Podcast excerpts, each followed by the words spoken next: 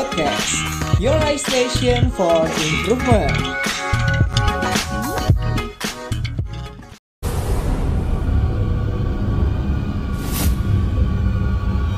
Kisah misteri. Halo semua, balik lagi bersama FYI Podcast For Your Information and Improvement Podcast Selamat malam Sobat Mistis, tak lupa juga selamat malam minggu buat kalian semua yang lagi dengerin podcast ini. Sobat Mistis, lagi ngapain nih malam minggu kali ini?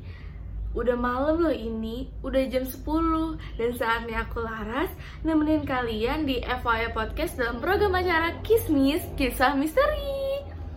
Emang ya nggak akan pernah seram opening kita. Karena ya selama announcer seorang Laras ya nggak bakal seram Ya udahlah ya biarin aja Kasihan nih para jomblo meratapi nasib Kenapa sih malam ini masih sama aja kayak sebelumnya Sendirian sambil dengerin FYI Podcast So, malam ini Laras akan bahas urban legend di berbagai daerah di Indonesia yang dipercaya oleh masyarakat sekitarnya. Asli, pas riset cerita ini, serem banget sih parah. Jadi kali ini kita bahas santai aja ya. Dan teman-teman, stay tune terus di FYI Podcast, program Kismis, Kisah Misteri. Kismis. Kismis. Kismis. Nah, sobat mistis, sebelum aku bahas tentang urban legend, Laras mau tahu dong, kalian pernah nggak sih ngalamin kejadian mistis atau horor yang bener-bener kalian alamin sendiri? Boleh dong kalian cerita ke Laras, kalian bisa langsung kirim ke DM Instagram Laras di @larashivas. Kalau Laras nih ya, pengalaman mistis atau horornya sih Hmm, lumayan banyak sih. Oke, jadi salah satu pengalaman aku itu ya seperti biasa dikerjai oleh sosok itu. Jadi waktu itu aku lagi PKL. Jadi aku itu pernah sekolah di SMK di jurusan perhotelan. So aku PKL di hotel. Aku PKL di bagian housekeeping. Biasanya tiap pagi itu aku ngecek nih setiap kamar buat cek status kamar. Sampailah aku di satu kamar, di lantai 11 paling atas di tempat aku PKL. Kalau menurut list nih, jadi aku bawa list juga kan yang udah disediain sama supervisor aku. Di situ tuh udah ada sebenarnya status kamar ya, cuman tugas aku adalah ngecekin lagi bener kan nih status kamarnya. Nah, di kamar ini, di listnya ini sebenarnya statusnya tuh udah kosong roomnya. Tapi buat mastiin, aku tetap aja cek kamar itu. Dan sesuai SOP, walaupun nggak ada orang, aku tetap pencet bel dan ketok pintu tiga kali dan ternyata ada yang jawab tapi pintunya nggak dibuka nih sama dia. Cuman ada suara dari balik pintu ditanya iya kenapa mbak? Digituin tuh. Aku jawab dong iya ibu permisi. Saya dari housekeeping. Saya mau nanya ibu apakah ibu akan check out hari ini? Oh iya mbak. Saya akan check out. Sebenarnya di situ aku agak kaget gitu karena sebelumnya aku nggak bakal ngira kalau misalkan ada orang di dalamnya. Cuman aku mikir oh paling supervisor aku nih salah ngecek statusnya. Ya udah di situ aku langsung menuju telepon yang ada di ujung lorong lantai 11 di situ aku langsung nelpon supervisor aku. Pak ini kamar ini lantai 11 di statusnya sih visi tapi kok ada orangnya ya pak? Supervisor aku kaget. Hah masa sih? Nggak mungkin orang semalam dicek kosong kok rapi nggak pak ada kamarnya tadi Laras sudah interaksi sama orangnya. Yaudah yaudah saya ke sana sekarang kamu diam di situ ya. Aku udah mulai merinding tapi untuk menghilangkan rasa takut aku telepon ke resepsionis. Aku bilang bu kamar kamar ini emang ada tamunya ya bu. Kata resepsionis nggak ada kamar ini kosong ras. Udah makin panik di situ aku sambil ketakutan aku nunggu supervisor aku. Akhirnya supervisor aku dateng kita berdua langsung sama-sama menuju kamar itu.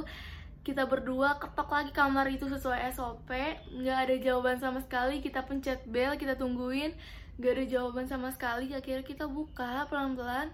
Dan bener aja nggak ada orang nggak ada berantakan sekalipun, kasur yang masih bersih, kamar mandi masih bersih, tata letaknya semua masih sama. Bener-bener nggak ada yang nempatin di situ, tapi berarti siapa yang ngomong sama aku tadi gitu kan? Aduh merinding nih. Oke nih sobat mistis, jangan lupa ya kirim cerita kalian ke aku karena aku penasaran banget sama cerita kalian dan aku bakal tunggu DM dari kalian.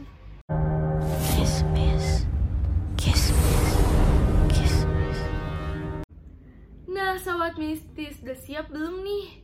Sebagai pembukaan, urban legend yang pertama dari Jakarta loh. Mana nih orang Jakarta?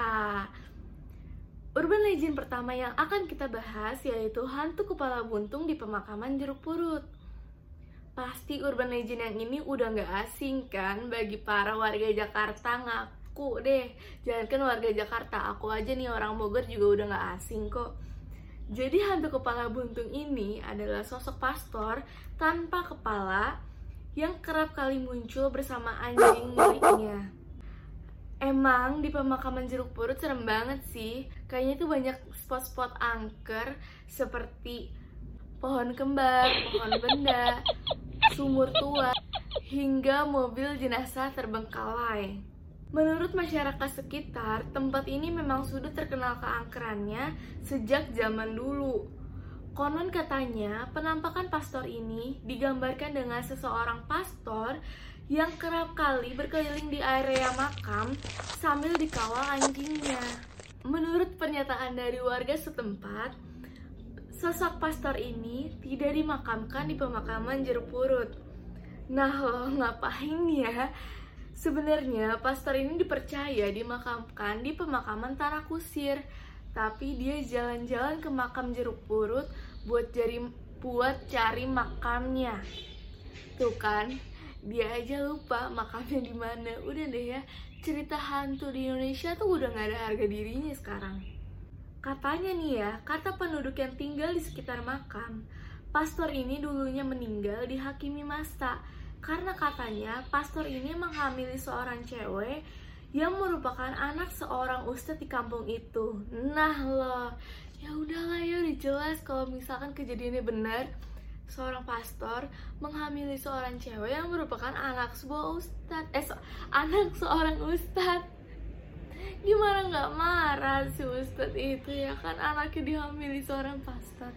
Terus ustadz itu udah pastikan ya marah ya dan kata aku tadi bilang didatangilah tuh rumah si pastor bersama warga kampung lainnya rombongan.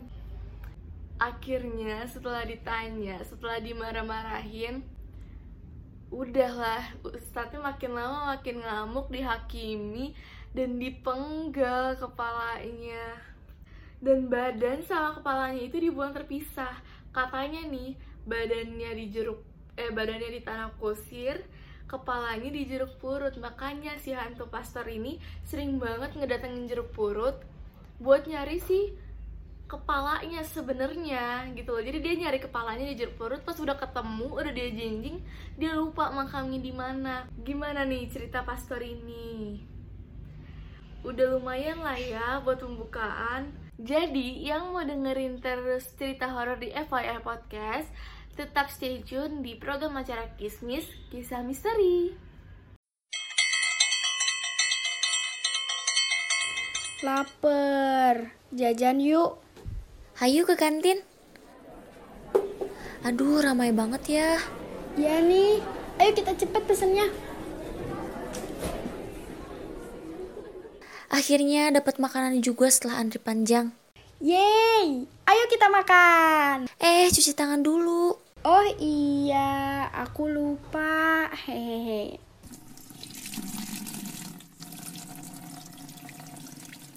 Ayo mulai perilaku hidup sehat dengan rajin cuci tangan pakai sabun. Hati-hati wabah penyakit di tanganmu. Selalu cuci tangan sebelum makan, setelah dari toilet, dan setelah bepergian atau bermain. Dengan sabun dan air mengalir dan pastikan tangan Anda selalu bersih. Iklan layanan masyarakat ini dipersembahkan oleh Sekolah Vokasi IPB didukung oleh Kementerian Kesehatan.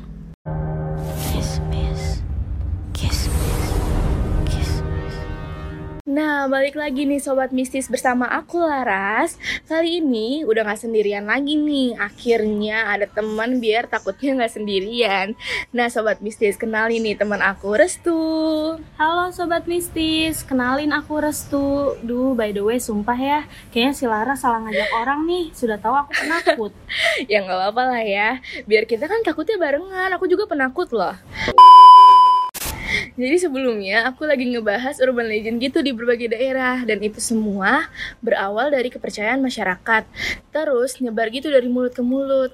Nah, aku bingung nih mau bahas urban legend dari daerah mana lagi. Kalau kamu Restu, kamu asalnya dari mana sih? Terus tahu tahu nggak urban legend tempat asal kamu tuh kayak gimana? Kalau aku sih asalnya Bandung dan ada urban legend namanya hantu Nancy. Pokoknya mah orang Bandung pasti kenal deh atau anak-anak SMA 3 sama SMA 5 pasti gak asing lagi dengernya karena hantu Nancy ini adanya di sekolah itu. Oh, si Nancy Tea. Iya, aku sempet sih. si Nancy Tea. Iya aku sempet denger tentang hantu Nancy di sekolah Bandung gitu. Coba deh kamu ceritain deh coba penasaran. Aduh aku takut Tapi gak apa-apa deh demi sobat mistis. Jadi sebenarnya sekolah SMA 3 sama SMA 5 Bandung kan peninggalan Belanda ya. Udah gak heran deh kalau bangunan bekas Belanda kayak gimana. Jadi konon katanya di sekolah itu Ada penampakan noni Belanda yang namanya Nancy. Katanya Nancy ini dulunya bule Mukanya tuh cantik tapi sayangnya kisah kematiannya sangat tragis. Dari kisah turun-menurun dipercayai oleh warga sekolah, bahkan warga Bandung, Nancy ini meninggal bunuh diri. Dia teh lompat dari tangga katanya mah, deket aula yang ada di sekolah itu. Tapi sebenarnya nggak ada yang tahu alasan dia bunuh diri. Ada juga yang bilang kalau Nancy bunuh diri gara-gara hubungan asmaranya tidak direstui oleh orang tuanya waktu itu teh ada guru dia teh ngaku-ngaku ngelihat penampakan Nancy. Pas itu pas maghrib maghrib si ibunya teh mau pulang. Nah sebelum pulang dia tuh harus nyelesain pekerjaannya dulu. Lalu dia tuh nelfon pakai telepon umum buat nelfon anaknya. Katanya mau minta jemput. Dia bilang kayak gini nak jemput mama ya di sekolah. Jangan lama-lama. Terus pas dia lagi nelfon anaknya di depan dia muncul si hantu Nancy itu. Coba ras kamu bayangin kalau lagi kalau jadi guru itu gimana? Bingsan sih aku. Tapi aku ngebayanginnya nih ya Malah kayak jump scare di film horror gitu deh. Ya gak sih? Ya itulah yang terjadi sama si guru itu. Sama sih. Udah bener-bener kayak film horror gak sih? Dan gak cuma waktu itu aja. Waktu itu juga ada cerita dari murid angkatan 91 Jadi ceritanya gini. Aduh aku merinding deh. Jadi si murid-murid angkatan 91 nih kan lagi sekolah ya. Lagi bosen jam kosong. Terus ketua kelasnya ngasih ide buat ke, buat pindah ke kelas atas. Pas pelajaran selanjutnya mau cari suasana baru cenama gara-gara bosen nih anak-anak diiyakan lah ajakan ketua kelas eta. Tapi sebelum mereka pindah ketua kelas ngomong dulu nih ke gurunya. Kalau kelas mereka pindah ngomongnya gini bu kami sekelas pindah. Ya bu ke lantai atas. Terus gurunya pun mengiyakan cina oh iya nak. Singkat cerita nih. Singkat cerita nih anak-anak kan udah pada pindah ya. Tapi mereka lagi bingung kok gurunya nggak datang datang sekitar setengah jam kemudian si guru ini teh datang. Tapi gak sendiri dia datang sama guru lainnya sambil marah-marah coba bingung dong anak-anak ditanya weh ibu kenapa marah-marah kunaon teh Kalian tahu gak guru gurunya bilang apa? Kalian ini mau main-main ya? Saya cari dari setengah jam yang lalu. Sudah saya cari ke semua lantai, ke seluruh kelas yang ada di sekolah ini gak ada kalian.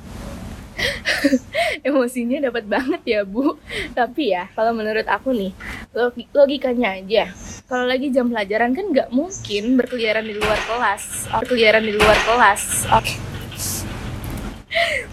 Itu kan gue mulai takut nih. Kalau menurut aku sih ya, logikanya aja. Kalau lagi jam pelajaran kan gak mungkin berkeliaran di luar kelas. Kalaupun ada yang ke kantin atau toilet, gak bakal semuanya juga kan sampai kelas itu kosong. Itu horor.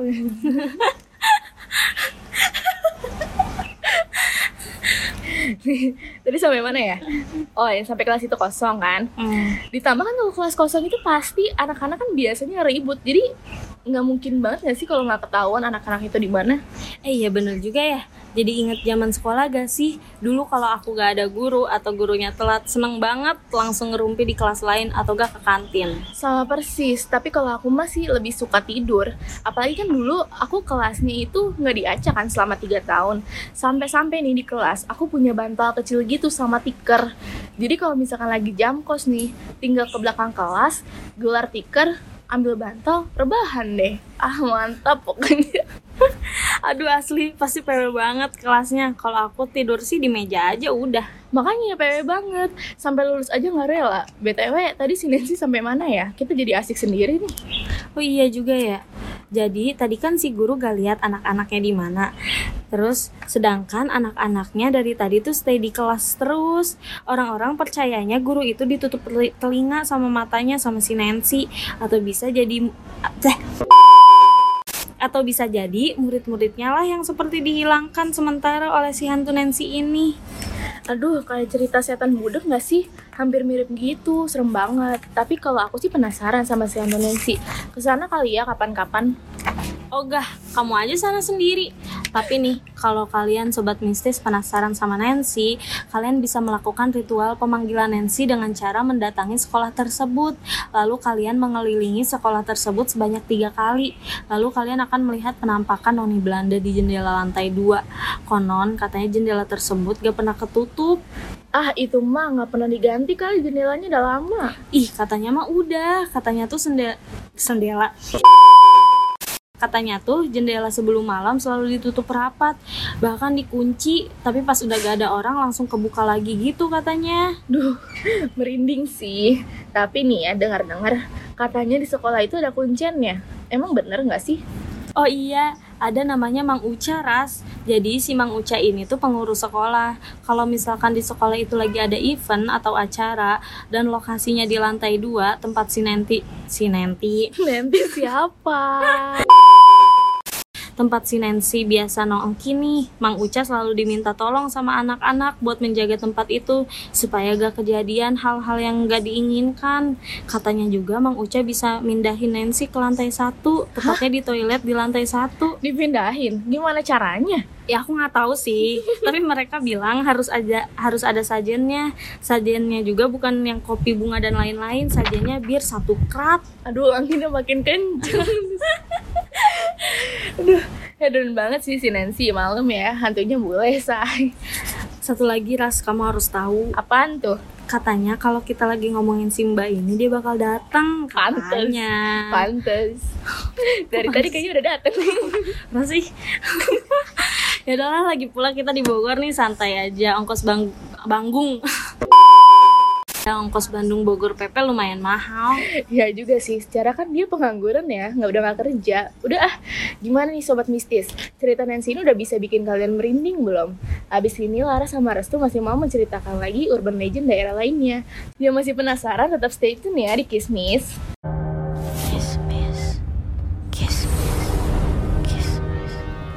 Nah, sobat mistis, balik lagi nih sama aku Laras dan tentunya masih ditemenin Restu biar takutnya nggak sendirian. Restu, kamu tahu nggak sih cerita hantu Suster Maria dari Balikpapan? Suster ngesot gitu ras. Enggak lah, bukan. Ya udah, aku sekalian cerita ya buat sobat mistis. Nih, buat warga Balikpapan, pasti udah nggak asing sama wilayah dataran tinggi di kota Balikpapan yaitu Pegunungan Dups. Jadi, masyarakat setempat Pegunungan Dups ini memiliki beberapa spot yang diklaim angker. Yang pertama, itu rumah pembantaian yang menyimpan kisah pilu tentang sosok Suster Maria. Pasti di situ tempat pembantaian deh. Makanya rumahnya disebut rumah pembantaian. Dan kalau gak salah, aku sedikit tahu cerita ini juga berhubungan dengan Jepang. Bener banget emang. Jadi si Suster Maria ini merupakan perawat keturunan Belanda. Nasib dia tuh tragis banget karena dia dibunuh sama tentara Jepang di rumah itu. Jadi nih, pada waktu itu lagi di masa Jepang kan merebut kekuasaan Belanda di Indonesia. Ya tahun 43-an lah ya. Jepang nih tahu di Balikpapan banyak kilang-kilang minyak dan itu masih dikuasai oleh Belanda. Dan saat itu Jepang mengirimkan sebuah surat kepada tentara Belanda untuk tidak membakar kilang-kilang minyak tersebut. Belanda nih yang mau menge- yang mengetahui Belanda nih yang mengetahui Jepang akan mengambil alih tersebut merasa nggak mau gitu nggak rela akhirnya mereka membakar semua kilang-kilang minyak tersebut Nah, sesampainya Jepang di Balikpapan dan mengetahui bahwa kilang-kilang minyak itu su- sudah dibakar habis oleh Belanda, marahlah sudah Jepang tuh. Tentara Jepang langsung berpencar ke seluruh kota Balikpapan untuk menangkap tentara Belanda. Sampai akhirnya tentara Jepang ini mendatangi pegunungan Dups dan di sinilah tentara Jepang menemukan Suster Maria beserta keluarganya. Akhirnya, Maria beserta keluarganya dan beberapa orang Jepang lainnya ditangkap dan dikumpulkan di sebuah rumah di pegunungan Dups. Beberapa orang Belanda di sana tetap melakukan perlawanan dan beberapa di antara mereka ada juga yang mencoba melarikan diri, termasuk si Suster Maria ini. Larikan nih mereka. Nah, mereka tuh larinya nggak bareng-barengan gitu loh. Mereka tuh ada kepencar-pencar gitu. Yang satu yang Pokoknya beberapa orang ini masuk ke hutan. Nah, sisanya tuh ke jembatan gantung. Keluarga Maria dan beberapa orang Belanda yang masih terperangkap di rumah itu langsung dibantai habis-habisan sama Jepang. Setelah menghabisi mereka, tentara Jepang langsung mencari orang-orang yang kabur tadi. Nah, akhirnya Jepang menemukan mereka termasuk si Suster Maria ini di jembatan gantung yang terperangkap di sana dan tidak bisa ke mana-mana. Dan setelah terperangkap, mereka langsung dihabisi oleh tentara Jepang, termasuk si Suster Maria ini. Dan mulai hari itu, tempat Jepang membantai orang-orang Belanda itu disebut rumah pembantaian. Dan jembatan gantung tempat Maria terjebak merupakan tempat angker kedua setelah rumah pembantaian. Dan setelah itu masyarakat percaya hantu Maria kerap menampakkan dirinya di situ. Aduh, sedih banget ceritanya. Jujur aku lebih sedih sih daripada takut. Berarti kalau ketemu Suster Maria nggak takut ya? Ya takut juga sih. ya udah tuh. Kan abis ini kita ada beberapa informasi nih. Coba kamu sampaikan ke sobat mistis Restu. Oke deh, nah Sobat Mistis, setelah ini kita masih ada cerita urban legend lagi loh Dan Restu yang bakal cerita Hah? Oke deh, nah Sobat Mistis, setelah ini kita masih ada cerita urban legend lagi loh. Dan Restu yang bakal cerita setelah informasi berikut ini. Tetap di For Your Information podcast di program Kismis. FYI podcast. Oh FYI, Tetapi gitu. oh yaudah Tetap di FYI podcast di program Kismis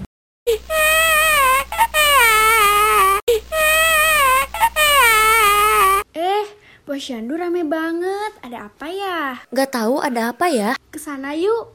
Ayo. Aku anak sehat, tubuhku kuat karena ibuku.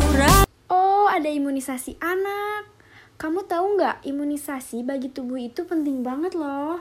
Oh, ada imunisasi. Iya, penting banget bisa mencegah kita dari wabah penyakit, juga cacat dan kematian karena campak dan rubella. Dan banyak banget loh manfaat dari imunisasi. Iya, betul banget. Imunisasi ini dapat mencegah penyakit infeksi yang berat hingga fatal. Yuk kita ke posyandu agar kita terhindar dari wabah penyakit dan hidup sehat. Dapatkan layanan gizi dan imunisasi lengkap di Posyandu. Iklan layanan masyarakat ini dipersembahkan oleh Sekolah Vokasi IPB didukung oleh Kementerian Kesehatan.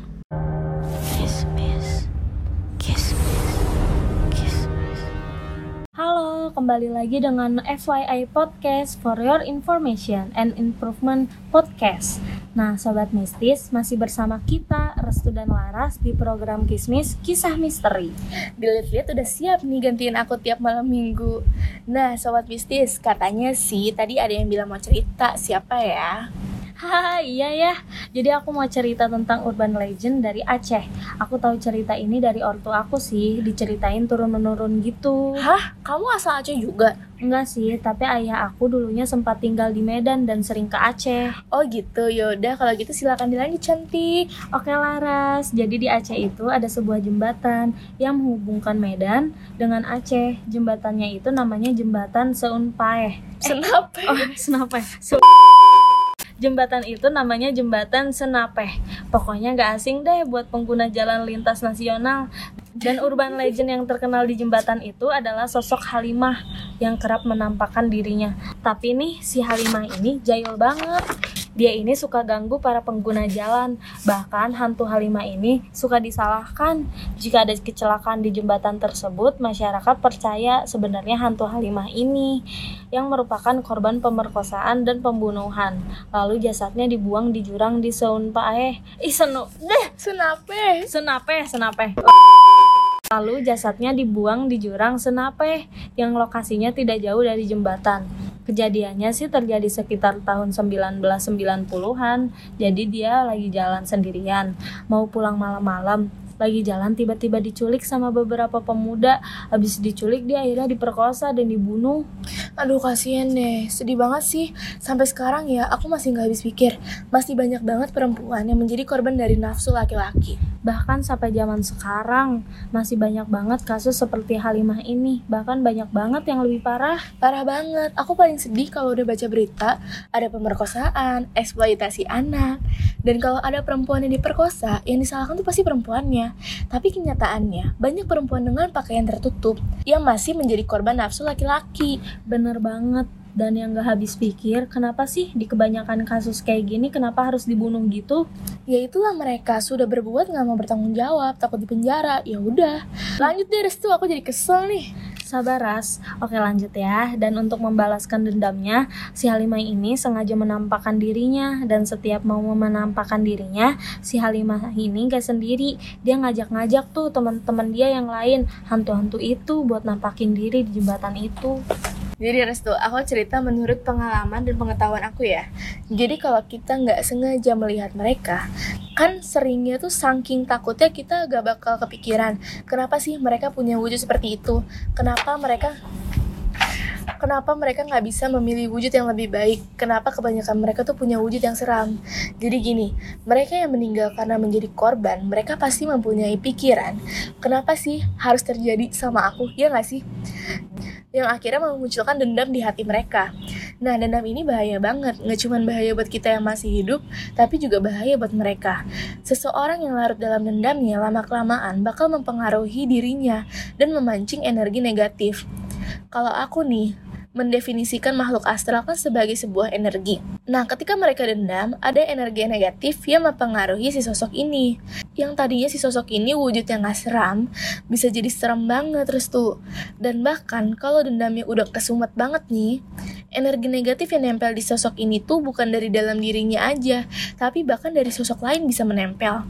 Jadi kadang ditemukan sosok yang dalam dirinya itu ada dua sosok atau dua kepribadian. Yang satu sosok negatif yang muncul karena dendam dia dan yang satunya lagi kepribadian dia yang sebenarnya. Ternyata serem banget ya. Nah, sobat mistis, dendam itu bahaya banget. Jadi daripada kita menyimpan dendam, lebih baik kita belajar buat mengikhlaskan dan memaafkan. Betul apa benar? Benar banget Restu. Jadi jangankan sosok ya, di manusia pun pasti seperti itu. Misalnya nih, kamu punya dendam sama aku nih Restu. Pasti kamu tuh bawaannya bakal marah terus, even kamu lagi nggak ngeliat aku. Tapi nih, tiba-tiba kamu kepikiran sama aku, pasti amarah menguasai kamu dan jadinya orang-orang yang mengenal kamu sebelumnya menilai kamu itu orangnya ceria, positif banget auranya. Karena dendam kamu ke satu orang, kamu jadi bisa berubah loh. Orang nilai kamu bisa jadi sosok yang menjadi pemarah, negatif mulu auranya. Eh iya loh, bener kalau dendam itu bisa merubah kepribadian seseorang. Oke deh, aku lanjut lagi ya. Tadi kan aku singgung kalau si Halimah ini penyebab kecelakaan di jembatan itu. Tapi sebenarnya kisah ini gak ada buktinya, hanya berkembang dari mulut ke mulut saja. Iya emang sih, setahu aku di jalur itu emang sering kecelakaan. Iya kalau mikirnya secara logika nih ya, wajar aja sering kecelakaan karena kan di samping jembatan itu masih hutan. Terus jalannya kan kayak ada tikungan gitu gak sih, tajam sama curam. Iya sih, tapi karena udah berkembang, jadilah hantu ini sebagai urban legend. Ada lagi sih, satu lagi nih cerita. Mau diceritain gak, Ras? Mau banget dong, tapi aku juga ada cerita nih, mau siapa dulu nih? Kamu dulu deh, Ras. Haus juga lama-lama ngomong terus ya. Hahaha. Kamu dulu deh, Ras. Haus juga lama-lama ngomong terus ya. Makanya sering-sering main ke sini. Oke deh, kalau gitu Laras bakal ceritain urban legend dari Lamongan ya.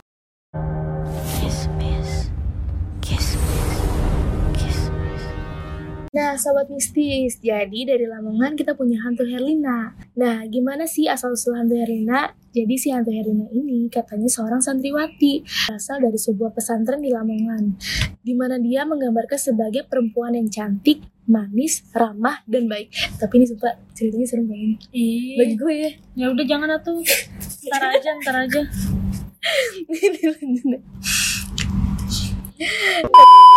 Tapi selama di pesantren itu, Herlina tidak dianggap dan dia merasa diacuhkan oleh santriwati yang lain dan ustadz-ustadz di situ. Gak ada yang tahu nih alasannya kenapa, tapi gak ada santriwati yang mau temenan sama si Herlina ini. Karena udah capek nih gak diperhatiin, dia caper lah, cari cara buat diperhatiin. Akhirnya dia punya ide, dia akan mencuri cincin akik salah satu ustadz di sana.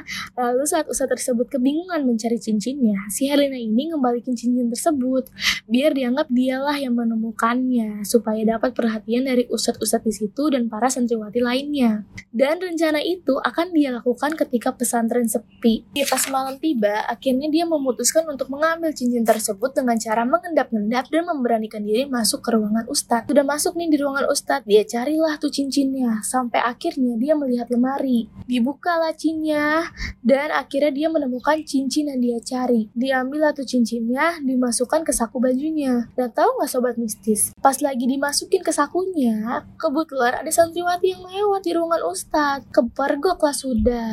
Nah si santriwati ini yang lihat kan kaget. Berusaha dia sama temennya nangkap si Helena buat dilaporin ke ustadz. Akhirnya si Helena ini dibawa udah ke ustadz.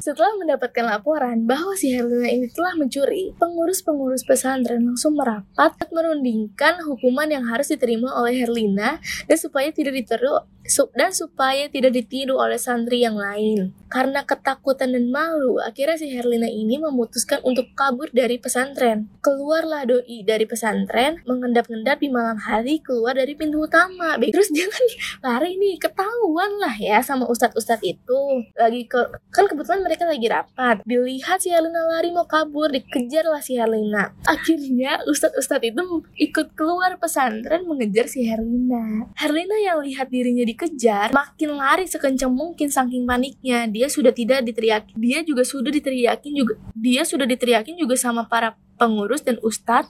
Apa sih kok kalimat dia juga udah diteriakin nih sama si para pengurus sama ustadz. Herlina balik kau, Herlina balik. Sampai akhirnya si Herlina ini berusaha ke jalan raya Berusaha menyeberang. Tanpa menghiraukan lalu kendaraan yang sedang menuju ke dirinya Dah tahu-tahu kecelakaan tuh dia. Badan si Herlina ini sampai terpental bermeter-meter. Dan para pengurus pondok yang melihat kejadian itu panik. Mereka melamun tanpa bisa berkata apa-apa. Dan di dalam hati mereka, mereka sangat menyesal. Habis itu gimana? Meninggal? belum. Jadi si Arena ini dibawa kan ke rumah sakit, masuk ICU, dia koma dulu. Minggu setelah itu si Herlina nggak sadar-sadar dan ayahnya nih menunggu Herlina di rumah sakit sendirian. Karena ibunya Herlina ini telah meninggal sejak Herlina berusia 12 tahun. Selama itu, ayahnya lah yang menunggu dan mengurus Herlina di rumah sakit. Ayahnya ini berharap banget si Herlina sembuh. Karena kan Herlina ini anak satu-satunya, penerus satu-satunya, dan satu-satunya yang bakal ngurus dia di hari tua nanti. Dan suatu hari, untuk pertama kalinya, ayahnya si Herlina ini meninggalkan si Herlina sendirian di rumah sakit karena ingin pergi ke pesantren dan berpamitan kepada pengurus pesantren. Dan sampai ditemuinlah kiai yang ada di sana. Dia bilang, Pak, atas nama Herlina, saya minta maaf pada kiai. Mungkin selama di sini Herlina banyak melakukan kesalahan dan insya Allah di saat Herlina sembuh, dia bisa balik lagi ke pondok ini. Terus kiai jawab, kami sudah memaafkan Pak, semoga Herlina cepat sembuh. Dan pintu pondok pesantren ini selalu terbuka untuk Herlina. Setelah mengemas barang-barangnya Herlina, balik lagi ayahnya ke rumah sakit. Tapi waktu perjalanan balik ke rumah sakit, timbul rasa marah dan dendam di diri bapaknya ini. Karena pada saat ayahnya berjalan keluar pesantren, para santriwati melihat sinis ke ayahnya ini. Kalau anak zaman sekarang kayaknya digituin bukan dendam deh, langsung dilabrak detik itu juga. Bener juga sih kayaknya. Oke lanjut ya. Selain karena diliatin sinis, ayahnya ini nggak terima anaknya dihakimi sama pengurus pondok. Ayahnya ini yakin Herlina ini anak baik-baik, nggak mungkin melakukan hal seperti itu. Dan ayahnya sudah berniat, kalau Herlina sembuh nanti, dan sebenarnya yang terjadi bukan seperti itu yang dikira pengurus pondok, ayahnya akan membalas dendam kepada santriwati dan para pengurus pondok di situ. Setibanya dia di rumah sakit, ayahnya ini terkejut melihat seluruh tubuh Herlina sudah ditutupi selimut dan Herlina dinyatakan meninggal ketika ayah Herlina sedang menuju rumah sakit. Tanpa seorang pun yang menemani Herlina menjemput ajalnya ini, membuat hati sang ayah terguncang sobat mistis. Ayahnya ini hanya bisa duduk sambil memeluk tubuh Herlina yang terbujur kaku tanpa bisa berbuat apa-apa. Dan pada proses pemakaman tidak ada satupun santri atau pengurus pondok yang datang karena memang gak dikasih tahu oleh si ayahnya Herlina ini. Lalu, tujuh hari setelah meninggalnya Herlina, ayahnya ini balik ke makam Herlina. Dipeluk nisannya Herlina dan nangis sekenceng-kencengnya. Semakin dia peluk nisannya anaknya, semakin dalam dendam di hati dia. Nah, pasti sobat mistis penasaran kan kenapa ayahnya ini nggak bilang ke pengurus pondok tentang kematian Herlina kan? Karena ayah ini punya rencana. Pada hari itu, ayahnya ini mengunjungi seseorang yang rumahnya jauh dari perkotaan, di mana rumah yang dikunjungi ayahnya Herlina ini sangat menyeramkan. Tidak ada lampu di situ karena belum terjamah oleh listrik. Seseorang yang ditemuinya ini adalah bapak-bapak yang sudah tua yang menggunakan pakaian serba hitam. Saat masuk ke dalam rumah, suasananya sangat seram, remang-remang, banyak dan banyak barang kuno. Rupanya, tahu nggak si pemilik, si pemilik rumahnya siapa Restu? Nggak tahu. Rupanya, si pemilik rumah adalah dukun sakti yang sudah dikenal oleh di kalangan tertentu. Dan ayahnya Herlina datang ke situ dengan tujuan untuk menghidupkan kembali arwah Herlina. Karena dukun itu dipercaya bisa memanggil arwah yang sudah meninggal untuk dihidupkan dan dibawa kembali ke dunia manusia. Ayahnya berkata kepada dukun, dia ingin menghidupkan kembali Herlina untuk membalaskan dendamnya kepada pengurus dan santri di pondok. Lalu si dukun ini memanggil arwah Herlina. Lalu arwah si Herlina ini datang dan memberikan kesaksiannya kepada dukun tersebut. Setelah mengerti kejadian yang sebenarnya, dukun tersebut menyuruh ayahnya Herlina untuk pulang dan balik lagi satu minggu kemudian untuk menyelesaikan proses terakhir pemanggilan arwah Herlina. Tepat seminggu kemudian, ayahnya Herlina ini kembali lagi bertemu sang dukun. Sampai di sana, sang dukun langsung mengajak ayahnya Herlina ke ruangan belakang. Sesampainya di ruangan belakang, ayahnya ini terkejut melihat seorang gadis muda yang sangat mirip dengan Herlina sedang berbaring seolah-olah dia sedang tertidur. Eh, tapi tertidur.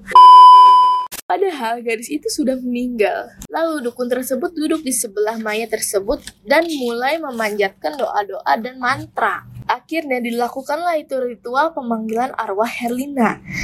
Lalu dukun tersebut memasukkan arwah Herlina ke jasad gadis muda tadi.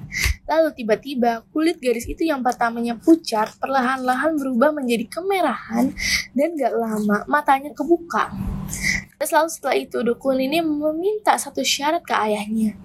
Setiap malam Jumat Kliwon harus ada korban manusia yang dapat diminum darahnya oleh gadis ini. Dan sesuai rencana ayahnya, keesokan harinya Herlina kembali ke pesantren untuk membalaskan dendam kepada teman-temannya dan para pengurus pondok sesuai keinginan ayahnya. Dan semenjak si Herlina kembali ke pesantren, banyak sekali kejadian-kejadian aneh, di mana hampir setiap hari para santriwati kesurupan. Selain itu, banyak kejadian pencurian barang berharga milik pengurus pesantren, dan banyak santriwati yang dihukum karena banyak barang-barang yang dicuri ditemukan di tangan santriwati Padahal santriwatinya itu tidak pernah sama sekali mencuri atau bahkan menyentuh barang-barang milik pengurus pondok. Jadi keinget ceritanya Herlina ya nggak sih yang waktu itu?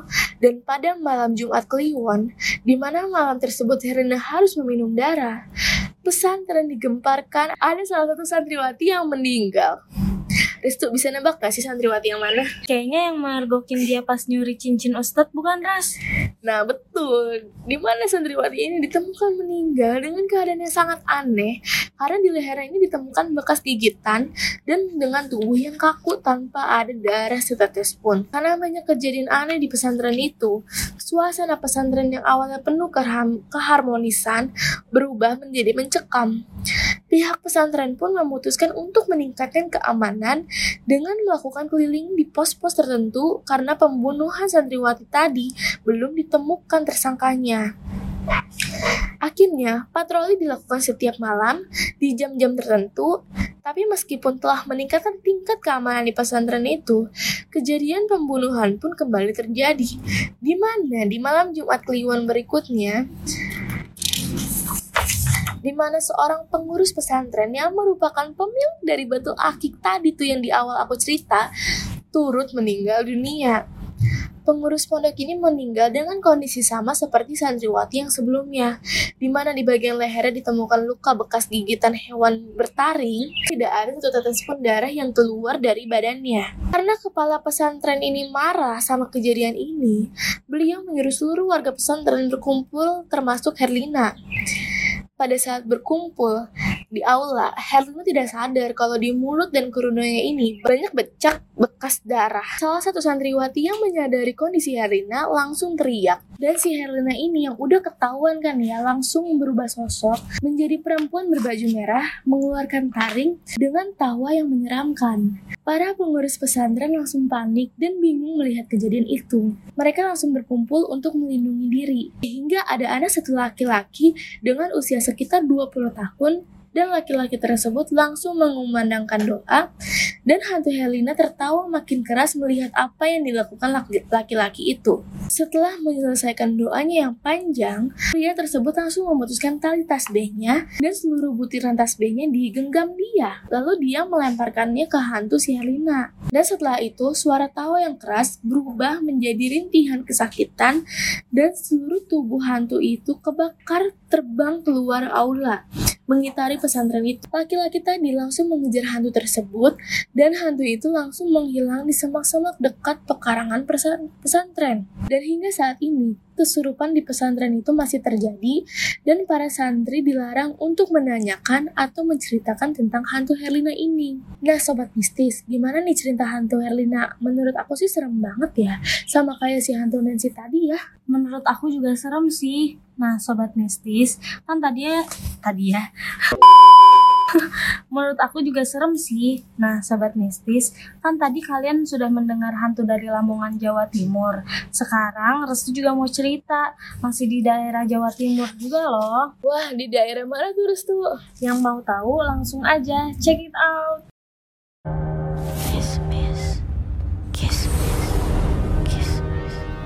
Nah, sobat mistis, lanjut ya. Kali ini Restu bakal ceritain urban legend dari Malang. Ada anak ngalam gak di sini? Kali ini sosok yang bakal kita bahas itu adalah sosok hantu Erni. Jadi di Malang ada sebuah wisma yang sangat melegenda, yaitu Wisma Erni. Wisma ini merupakan wisma yang megah dan sudah lama tidak berpenghuni 10 tahun lamanya. Lokasinya ada di Jalan Raya Surabaya Malang. Dan konon katanya wisma ini dibangun di atas kuburan Tionghoa. Pada tahun 1980-an terjadi pembantaian besar-besaran di wisma ini yang menewaskan seluruh penghuni di wisma itu. Dan salah satu korbannya adalah si hantu Erni yang merupakan istri pemilik wisma tersebut. Dan menurut warga Malang, hantu Erni ini kerap kali menampakkan dirinya di balkon lantai dua wisma ini. Sosok hantu Erni terlihat seperti noni Belanda dan diperkirakan Erni ini merupakan keturunan Belanda. Nah, gimana sobat mistis? Yang warga Malang apakah sudah pernah lihat penampakan hantu Erni? Tahu nggak? Aku anak Malang tahu aslinya dan nggak tahu sama sekali cerita ini malah. Kamu tahu dari mana ini? Tentu saja aku tahu dari Google. Iya ya, aku kira ada orang yang cerita sama kamu. Coba deh aku search dulu. Nah, iya coba kamu search dulu, ketik aja Wisma Erni. Coba ya. Eh iya loh, ini mah aku tahu wismanya. Yang aku tahu sih dia emang kosong dan angker. Cuman aku nggak tahu kalau di sini ada sosok Erni yang wujudnya seperti noni Belanda kata kamu itu. Soalnya yang waktu aku lewatin ini, aku cuma lihat dari luar yang wujudnya biasa lah, Mbak Kun sama temen-temennya. Enak gak sih Res bisa lihat hantu? Kok bisa sih lihat gitu? Enggak, nggak bisa karena siapa. nggak enak lah mungkin karena aku belum bisa menerima aja kali ya aku bisa gini karena keturunan gimana aku sebenarnya kan yang kayak gini tuh anugerah tapi aku lebih memilih ditutup karena sebenarnya aku juga penakut dan suka kagetan juga tiba-tiba kalau lihat dan kalau lihat kayak gitu tuh capek banget tapi walaupun ditutup sesekali aku masih bisa lihat karena emang aku cukup peka Ya ah, serem. Mana udah malam banget loh ini. iya udah mau jam 11 ya yaudah deh closing closing closing Ya, sobat mistis, nggak kerasa ya, Lara sama Restu di sini udah nemenin kalian selama 45 menit. Gimana nih cerita urban legend yang tadi? Bikin merinding kalian gak sih? Anyway, berhubung sekarang sudah mau jam 11 malam, kurang 15 menit, mungkin dari kalian ada yang lagi di perjalanan pulang atau bahkan mau tidur. Lara sama Restu mau ucapin selamat malam. Tetap jaga kesehatan kalian, apalagi pandemi kali ini masih berlangsung dan belum berakhir. Laras dan Restu pamit undur diri. Sampai ketemu di malam Jumat dan malam Minggu berikutnya. Tentu saja dalam program acara Kismis, Kisah Misteri di FYI Podcast. Bye-bye!